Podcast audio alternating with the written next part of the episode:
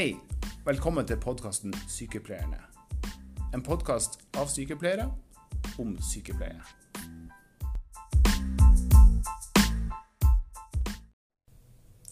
Hei, og velkommen tilbake fra forrige gang. Hei, Anette. Har du det bra i dag?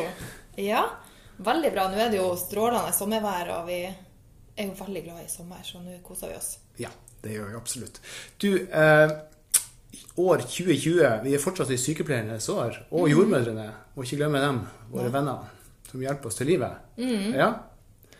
Hva eh, du har på tapeten til oss i dag?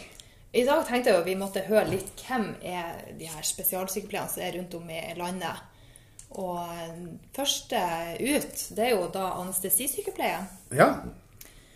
Og da er vi jo så heldige å ha med oss eh, en gjest, og det er jo Marianne.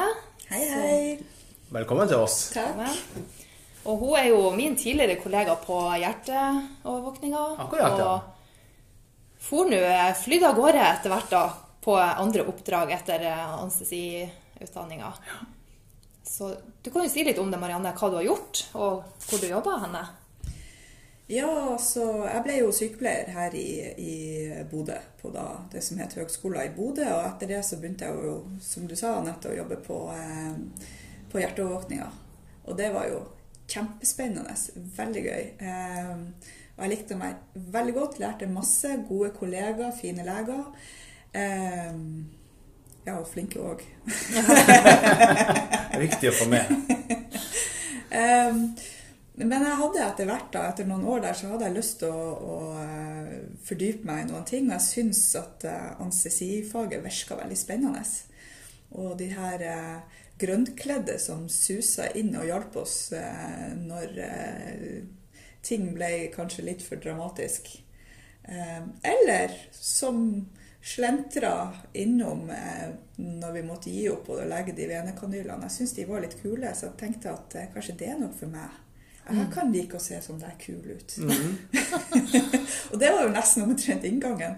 Bortsett fra at jeg også hadde en tanke rundt det at det jeg likte veldig godt på hjerteovervåkninga, var den kombinasjonen av å jobbe med kritisk syke og hva man skal si, det mer um, elektive. Altså det å, å veksle mellom uh, hva man skal si, hverdagsoppgaver uh, og de helt kritiske tingene. Eh, og det hadde jeg jo forhørt at det er jo sånn anestesilivet også er. Mm -hmm. Så jeg tenkte at det var veldig spennende. Men det er jo noe spesielt, og det er jo eh, Anestesien er jo en litt sånn hemmelig verden. Mm. Du er innelåst på operasjonsavdelinga mesteparten av tida, så det er ikke greit å vite hva du drar til. Nei, det er ikke så ofte vi ser dere når dere kommer. Nei, det er jo eh, godt innpakka i munnbind og hue til vanlig. Ja. og, og, inne på holdt på å si låst avdeling, lukket avdeling. Ja. Så eh, det kan nesten være litt vanskelig å velge anestesifaget, for at det er litt vanskelig å ha innsyn i hva er det egentlig som foregår. Ja. Så jeg var spent når jeg begynte på skolen, og jeg gikk jo utdanninga her i, i Bodø. Men det var Jeg følte ganske fort at jeg var på rett hylle. Det var veldig spennende. Um, og utfordrende. Og eh, jeg, under utdanninga var jeg sikker på at jeg var den dårligste anestesistudenten som noen gang har gått i to sko, og at jeg sannsynligvis kom til å stryke og eh, aldri bli noe å ta med. Um, Det tror jeg er en bra ting. For vi har snakka om Dunning-Krüger-effekten før, har vi ikke Ja, det? jo. Og jeg, jeg tenker at det er en bra ting å føle at eh, jeg har et stykke å gå. Ja, det, det var eh, For at det som skjer når du det, Man er jo Ofte har man en ganske god mestring på å være sykepleier når man søker seg inn på eh, en spesialutdanning.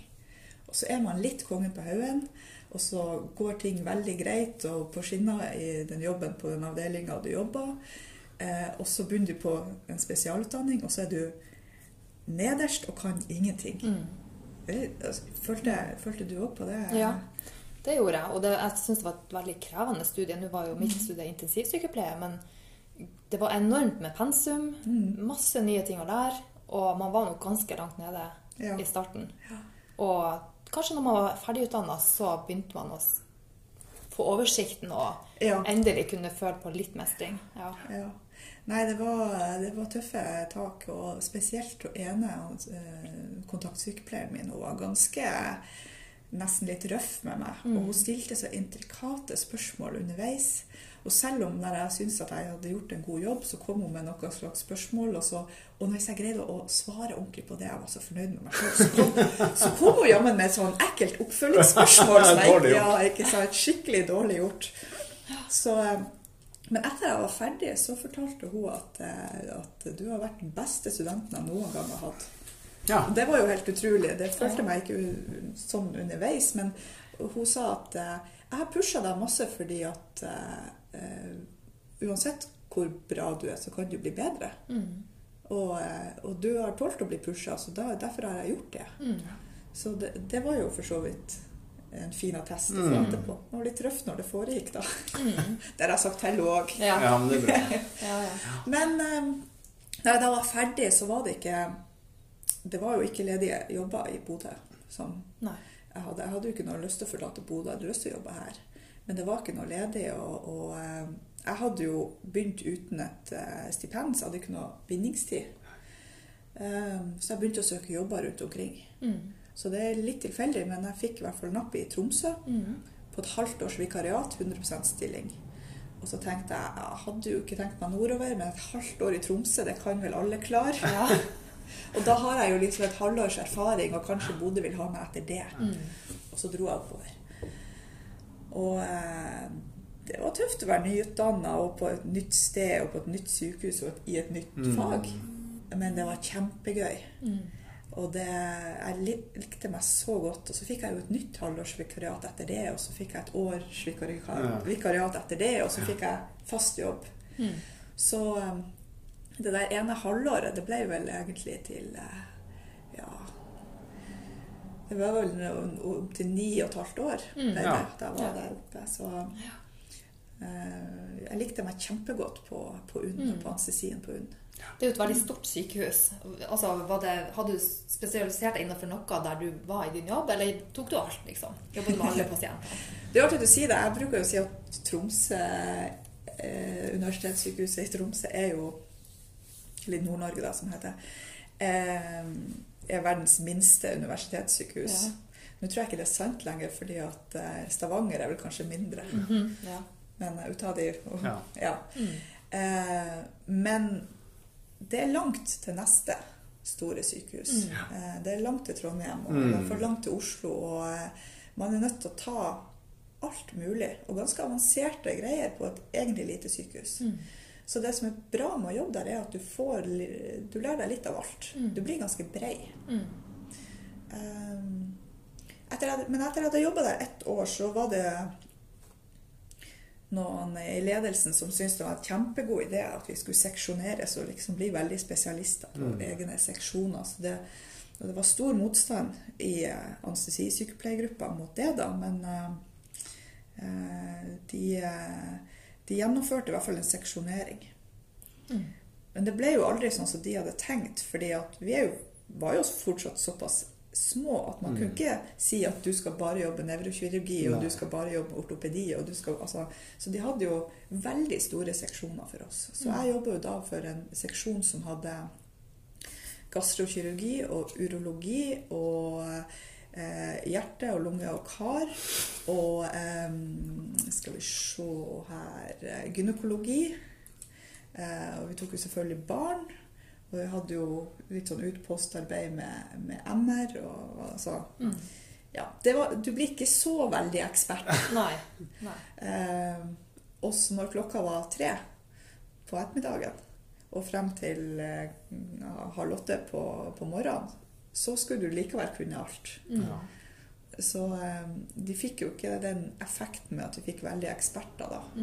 De fikk bare en litt mindre fleksibel personalgruppe, kanskje. Så nå er de vel på tur å gå tilbake på det. Så det var eh, det var en spesiell greie. Men i dette så fikk vi forhandla at vi som var nyutdanna, og da regner man at du er ny og fersk i anestesigamet. Det, det, det ble definert der som at da hadde du mindre enn fire års erfaring som anestesisykepleier. Da er du ny. Eh, vi fikk rullere mellom seksjonene, da. Sånn at vi skulle lære oss Ja, sant. Ja. Ja, så, det, mm. så det var jo litt sånn Noen ganger så er de lure ideene fra oven ikke fullt så lur. Hvis du husker um, den her kvalitetskirkelen Prøv deg ut i en liten skala først og se hva som skjer. Plan, do, study, act. Eller i en annen Ja, ja, rekkefølge. ja, ja, ja. Men um, jeg skal se, kvalitetssikring hadde den ikke fire trinn? Ev jo, evaluer. Ja. Ja. Mm.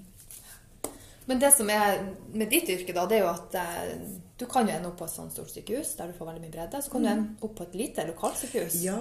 Det må jo være ganske stor forskjell. Ja. Vårt arbeidsoppgaver. Og det eh, er jo veldig eh, Det er kjempestor forskjell. Eh, og jeg tenker også at fra universitetssykehus til universitetssykehus, også hvis jeg hadde flytta meg til Ullevål, og det har jeg jo noen venner som har gjort, eh, så blir du mye mer spesialisert, eh, og du jobber på en litt annen måte. Mens hvis jeg drar til Narvik, eh, så hadde jeg kanskje blitt enda bredere og tatt større del i andre oppgaver som jeg ikke var naturlig for meg å gjøre i Tromsø. I Tromsø for eksempel da på et eh, eh, så øvde ikke vi spesielt mye f.eks. på eh, eh, gjenopplivning av helt nyfødte babyer. Altså vi anestesisykepleierne gjorde ikke det, for det var ikke naturlig vår oppgave. Det var barneleger til stede på keisersnittene, og det var det, vi har nok anestesileger, vi har en stor, eh, stor gjeng med veldig godt kvalifiserte jordmødre som var bedre kvalifisert enn oss til å gjøre det. Men på mindre sykehus så er dette en veldig viktig ting som man trener mye på, som anestesisykepleierne har en stor eh, eh, et stort ansvar for. Mm. Så det er litt sånn forskjellig hvor hva du trenger å, å kunne på de forskjellige stedene. Mm. Man er vel kanskje litt sånn forskjellig som type. At noen liker det litt om masse, og noen liker å fordype seg i små ting. Så kanskje noe man skal tenke på hvis man skal søke seg jobb en plass. Ja, og sånn sett jeg tenker jeg anestesifaget Mange som, syns, som beskriver det som veldig eh, smalt. Det er veldig spissa. Men det, jeg tenker at det, samtidig så er det veldig bredt. Fordi at du, må, du får alle mulige pasienter. Det er fra egentlig Ja, nå har jo Det opereres jo på eh, barn som ikke er født ennå, inni magen. Eh, og vi er med på, på sånne ting til de som er nyfødt gjennom hele livet. å si, og, og eh, kvinner og menn og eh, Det er ikke noen sånn spesielle grupper. Du har alle mulige sykdommer med deg. Um, så du må, du må være ganske brei og kunne mye om masse. Og så må du være ganske spissa på det helt sånn fagspesifikke som vi skal gjøre, og som vi har.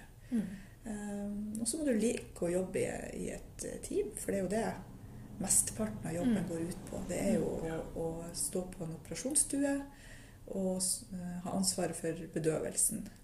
Um, og på en operasjonsstue så jobber det jo uh, operatører, da. Enten det er kirurger, eller om det er ortopeder eller andre typer. Eh, og det jobber operasjonssykepleiere, og vi jobber jo selvfølgelig veldig tett med anestesilegene. Eh, og det jobber renholdere. Eh, på noen typer operasjoner så har du andre yrkesgrupper, perfusjonister f.eks. på hjerteoperasjoner. Eh, Røntgenpersonell.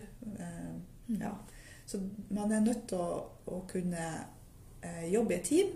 Eh, og det er virkelig tverrfaglig på den måten at hver har sin rolle.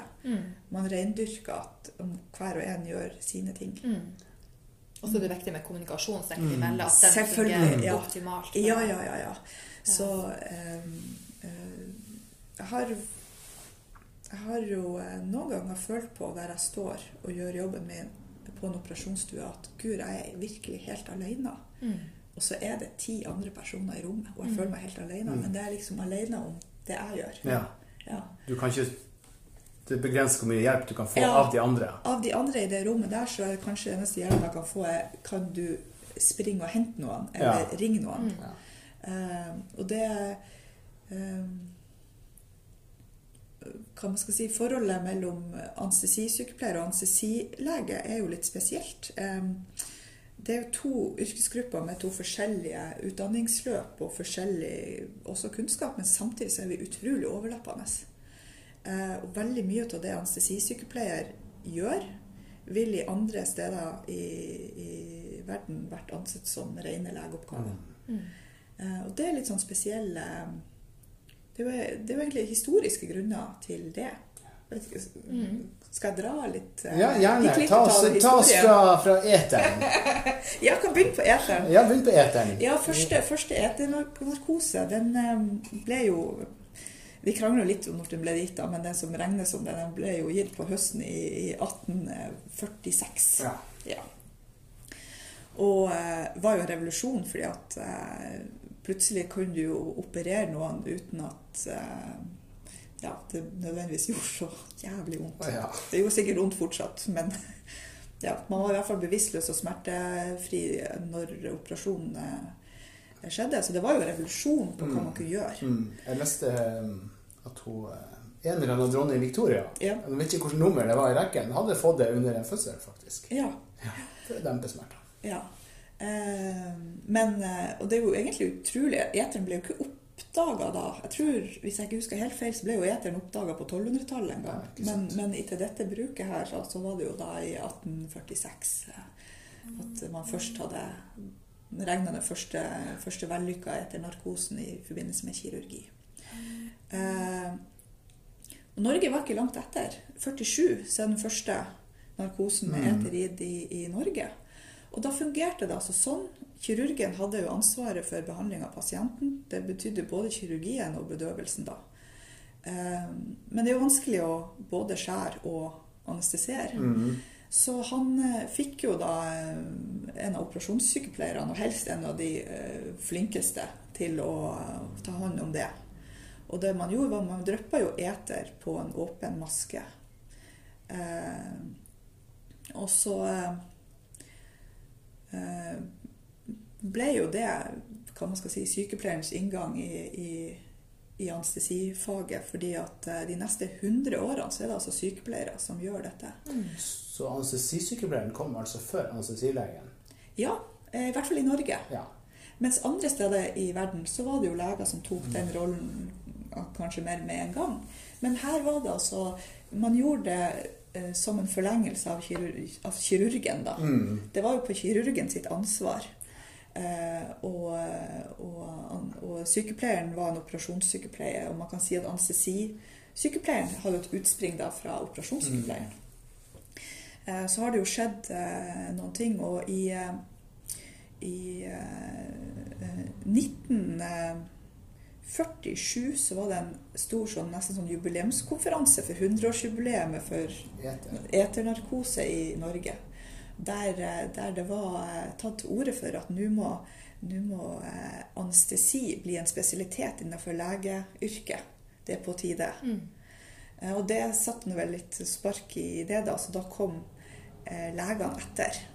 De, eh, det var jo leger som hadde spesiell, spesiell interesse inn i narkosefaget i Norge før det også.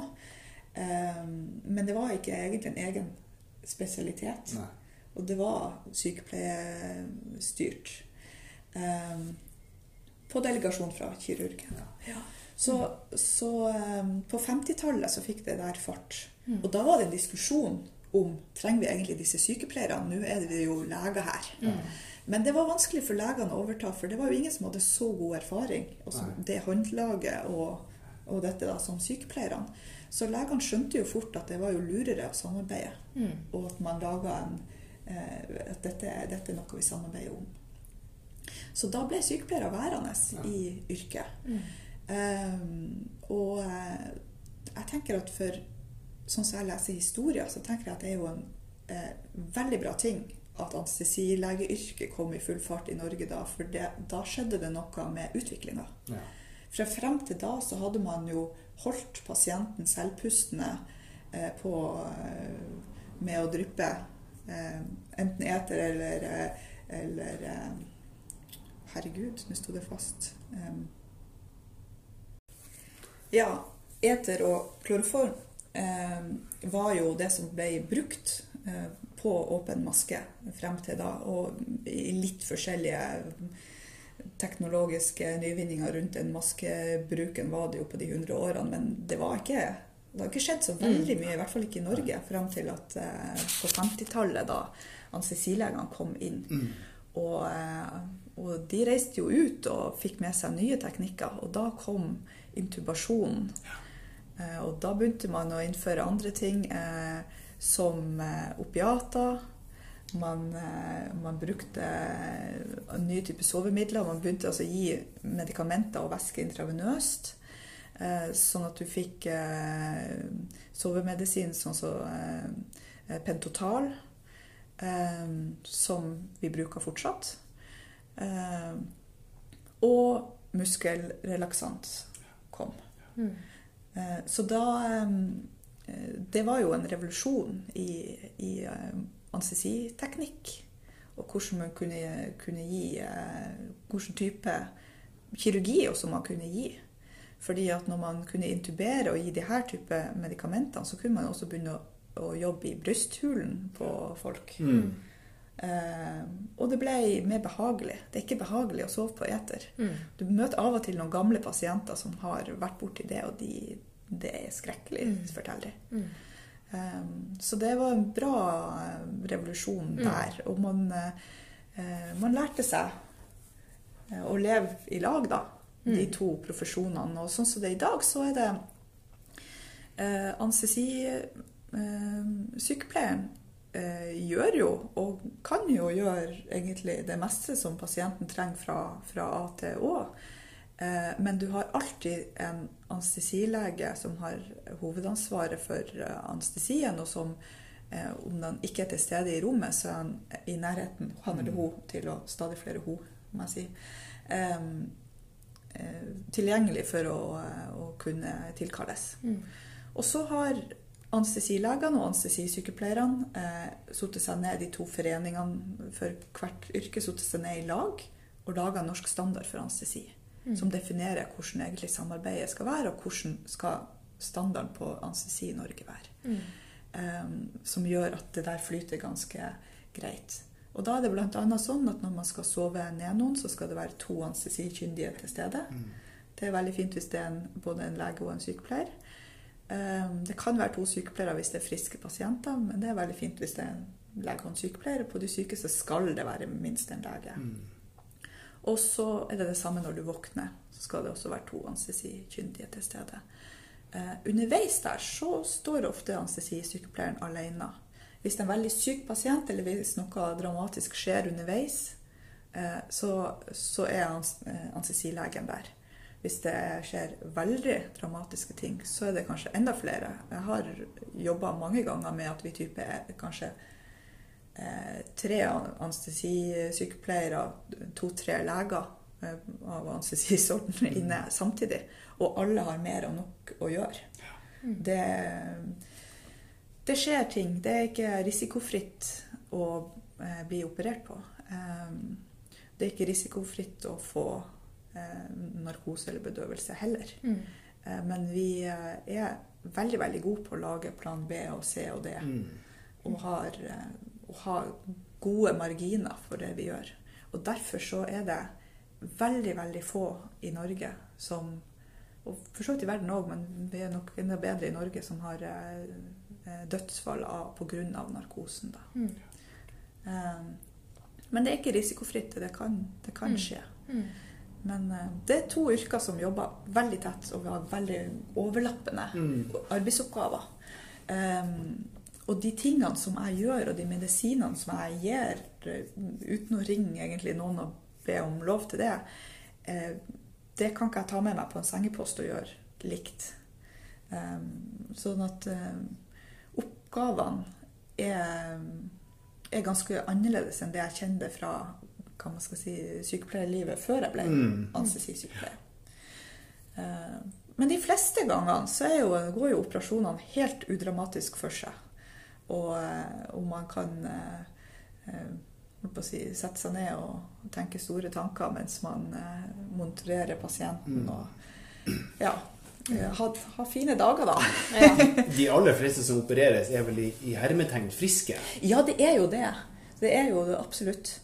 Og, eh, og selv om at jeg har eh, som anestesisykepleier kjempelang erfaring med å ha eh, folk på respirator, som vi gjør da når de er i narkose. Så er de friske på respirator. De er ganske kort på respirator. Det skiller seg fra sånn som intensivsykepleieren som jobber på intensiv, jobber med sine pasienter. For de ligger så lenge, så om de ikke var lungesyke fra før, så får de skader på lungene underveis. Eh, Så det er en litt annen måte kanskje å ventilere på som vi gjør, enn som man er opptatt av på intensiv. Så selv om fagene ligner veldig, så er det ikke likt. Det er en annen måte å tenke på. Vi har et mye kortere spenn. spenn. Men anestesisykepleie er jo eh, et fag der man er veldig, veldig god til å holde liv i folk. Det er jo, det er virkelig kanskje spesialiteten vår. Så det gjør nok at vi er ettertrakta også utenfor operasjonsstuene. Og det gjør at man blir tilkalt når det skjer traumer. Da, da springer man i full fart til akuttmottaket og hjelper til. Eh, Det gjør at man blir tilkalt på hjertestans. Eh, Det gjør at man blir tilkalt når eh, en eller annen pasient er tydeligvis alvorlig, noe alvorlig skjedd. Vi litt lurer på hva vi skal gjøre. Mm. Og mange sykepleiere jobber også utenfor sykehus. Eh, Kanskje ikke så mange på bil lenger, men det jobber en del på, på bil. Det har jobba eh, anestesisykepleiere i helikopter. I Ålesund er det en fast del av crewet. Eh, offshore. Eh, og egentlig andre steder i Og på fly, selvfølgelig. Ambulansefly. Jeg tenker jo at som plasser hvor du er veldig alene, så er jo en av anestesisykepleierne sin styrke er jo at de kan ivareta luftveier. Ja. Og B kommer jo veldig tidlig i alfabetet. Og A. ja. Det, A kommer først. ja. Så hvis ikke A er i orden, så hjelper det ikke om du har koll på C og D. Nei. Uh, den, uh, og det er jo sikkert derfor vi også er ettertrakta, sånn sett fordi vi er veldig veldig gode på det. Eh, altså på, på og kanskje den ABC-delen. Eh, å ivareta ta folk eh. Noen ganger har jeg har flydd, så har jeg tenkt sånn å, Hvis de nå spør eh, er det noen som kan hjelpe her, så håper jeg det er noe skikkelig alvorlig, for hvis ikke vet jeg ikke hva jeg skal gjøre. Nei, ikke sant? Ja. Det er den første som rekker rekke opp hånda, i hvert fall. Ja. Jeg. Jeg hadde, hadde en kollega som sa at hun, det, det der hadde skjedd hun, og så eh, De hadde først spurt etter lege, så da hadde jo ikke hun meldt seg da. Og, så, og det hadde jo røysa noen, hun hadde fått med seg at noen hadde svart på den der. Men så spurte de på nytt er det annet helsepersonell her. Da hadde hun meldt seg, og da kom hun, og da var det en lege der. Og da hadde han sagt eh, ja, liksom, hva er med du? Ja, jeg er sykepleier. Ja, hvilken, sort? Ja, anestesisykepleier. Å, takk Gud, jeg er psykiater.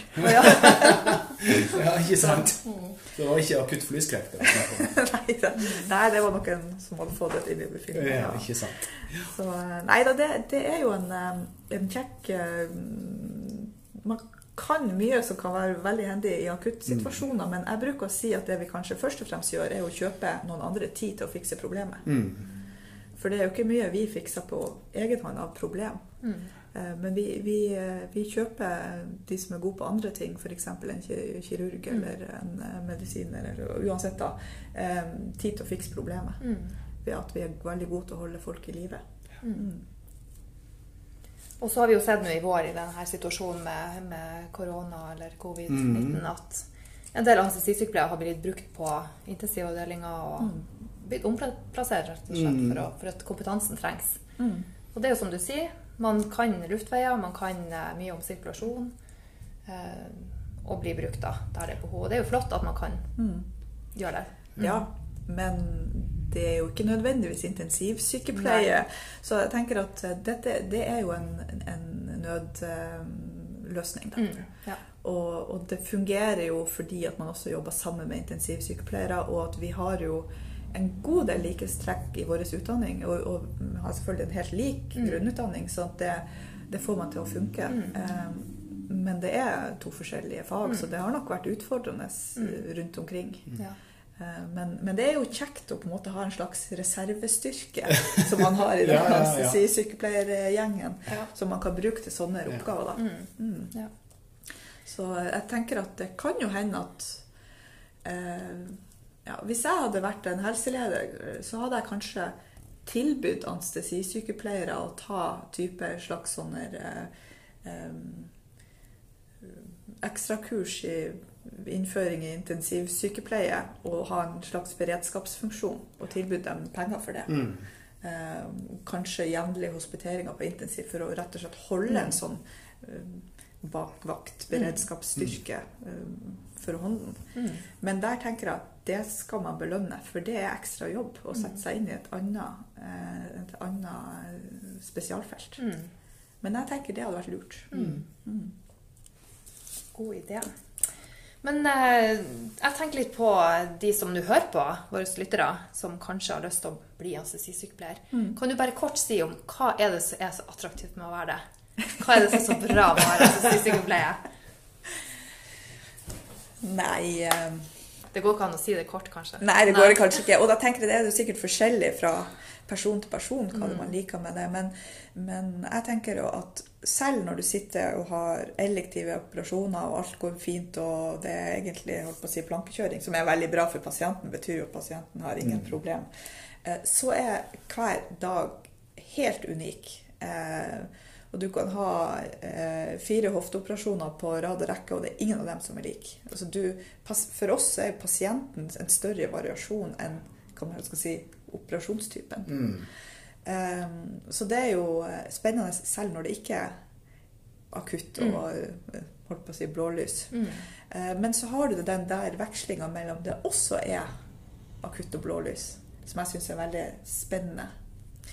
Og så har du jo noen fordeler da med at vi har en snillere turnus. Eh, Ja.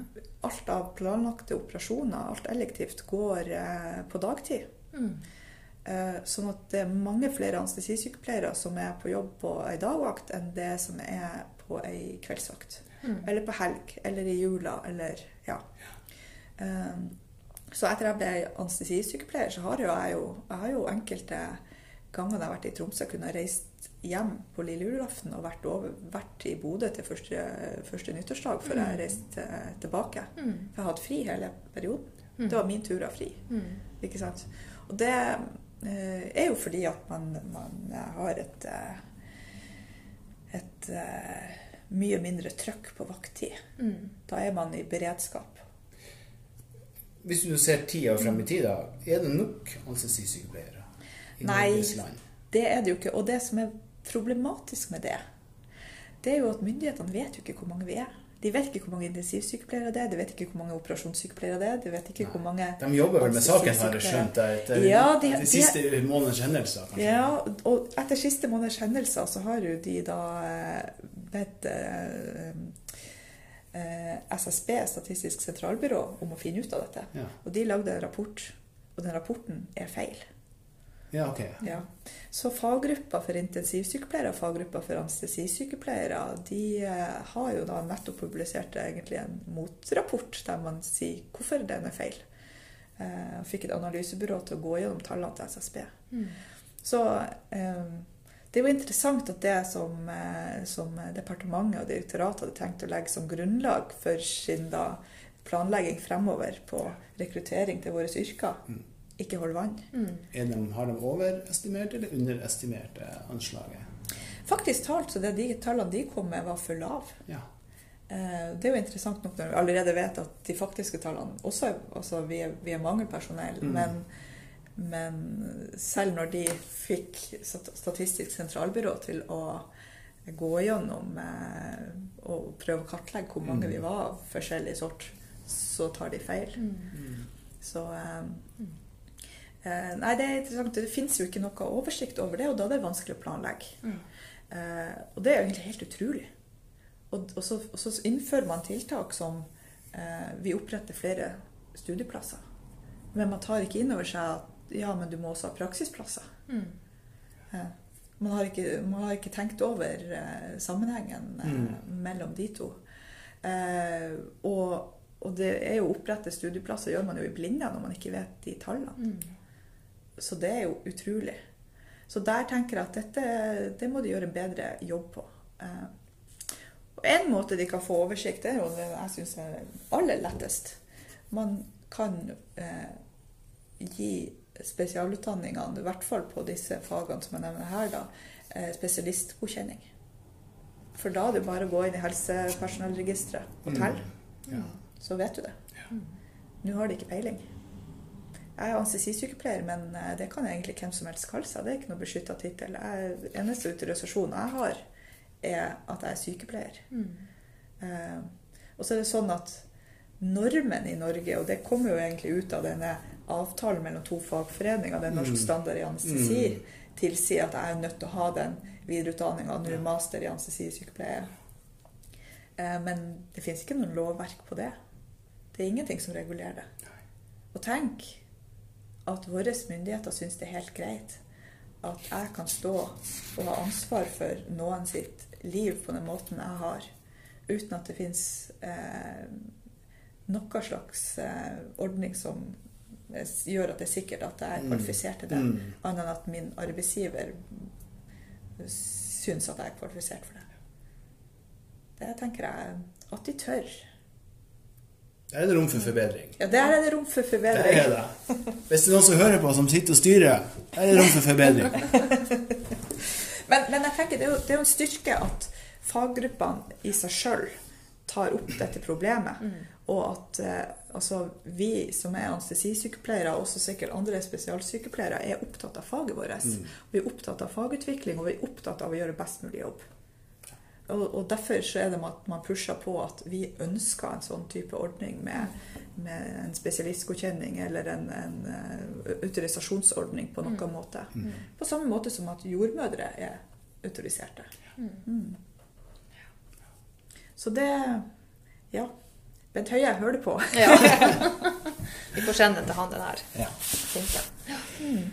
Nei, men Kjempebra, Marianne. og Veldig artig å høre på det du har å fortelle. Så får vi jo selvfølgelig håpe at det er mange som søker seg til anestesisykepleie nå etter å ha hørt dette. Ja, det går ikke an å få noe bedre sykepleieryrke. Nei, ikke sant? Det kan vi krangle om. Ja.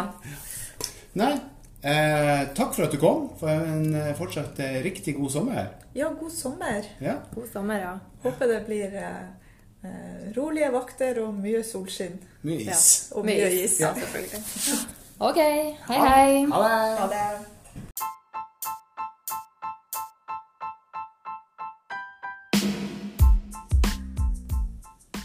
Tusen takk for at du hørte på.